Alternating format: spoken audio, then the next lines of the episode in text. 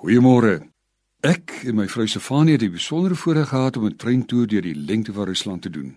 Ons het onder andere 'n dag lank by die Baikalmeer, die diepste meer in die wêreld, deurgebring.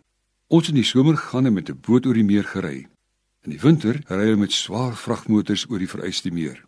Hulle het ons vertel dat wetenskaplikes met 'n onbemande dieptetuig, die sogenaamde bathyskoop, probeer het om die bodem te bereik om te sien of daar enige lewe in die duistere waters is waar geen sondig meer kom nie, of daar lewe is. Hulle was verras om in die lig van die vaartuig in stukke duisternis lewende visse te sien. Die merkwaardige is dat hulle nie alleen daardie geweldige swaartekrag weerstaan het nie, maar dat hulle in lig pragtige kleure van rooi, blou en groen getooi is. Verbeel jou. Pragtig uitgedos in die mooiste kleure in daardie stukke duisternis waar geen aardse oog hulle kan bewonder nie. Maar 'n hemelse oog sien hulle. Die oog van die Skepper wat hulle so gemaak het en vrugte vind in hulle kleurrykheid en vir hulle lewe gee en daar in die diepe donkerheid vir hulle sorg.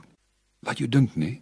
As God vir hierdie vir ons onsigbare onskynlik nuttelose visie sorg, hoeveel te meer nie vir jou en my, die kroon van sy skepping nie. Ons sou sê niemand gee juis om vir daai ou visies nie. Hulle dra tog niks by tot die skepping nie behalwe om vir God plesier te gee nie. Soms voel ons ook so daardie visse. Niemand sien ons raak nie. Soos of ons nie juis bestaan of bydraes kan maak nie. Die troos is al sien niemand my raak nie, God sien my raak. Hy sien my in die kleur waarin hy my geskaap het.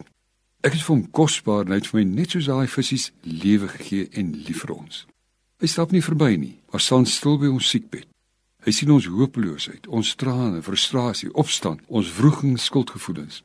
Hy tree nader by my siekbed, by my bed in die gevangenisselle. Hy sien die donker van my pyn en my skuld.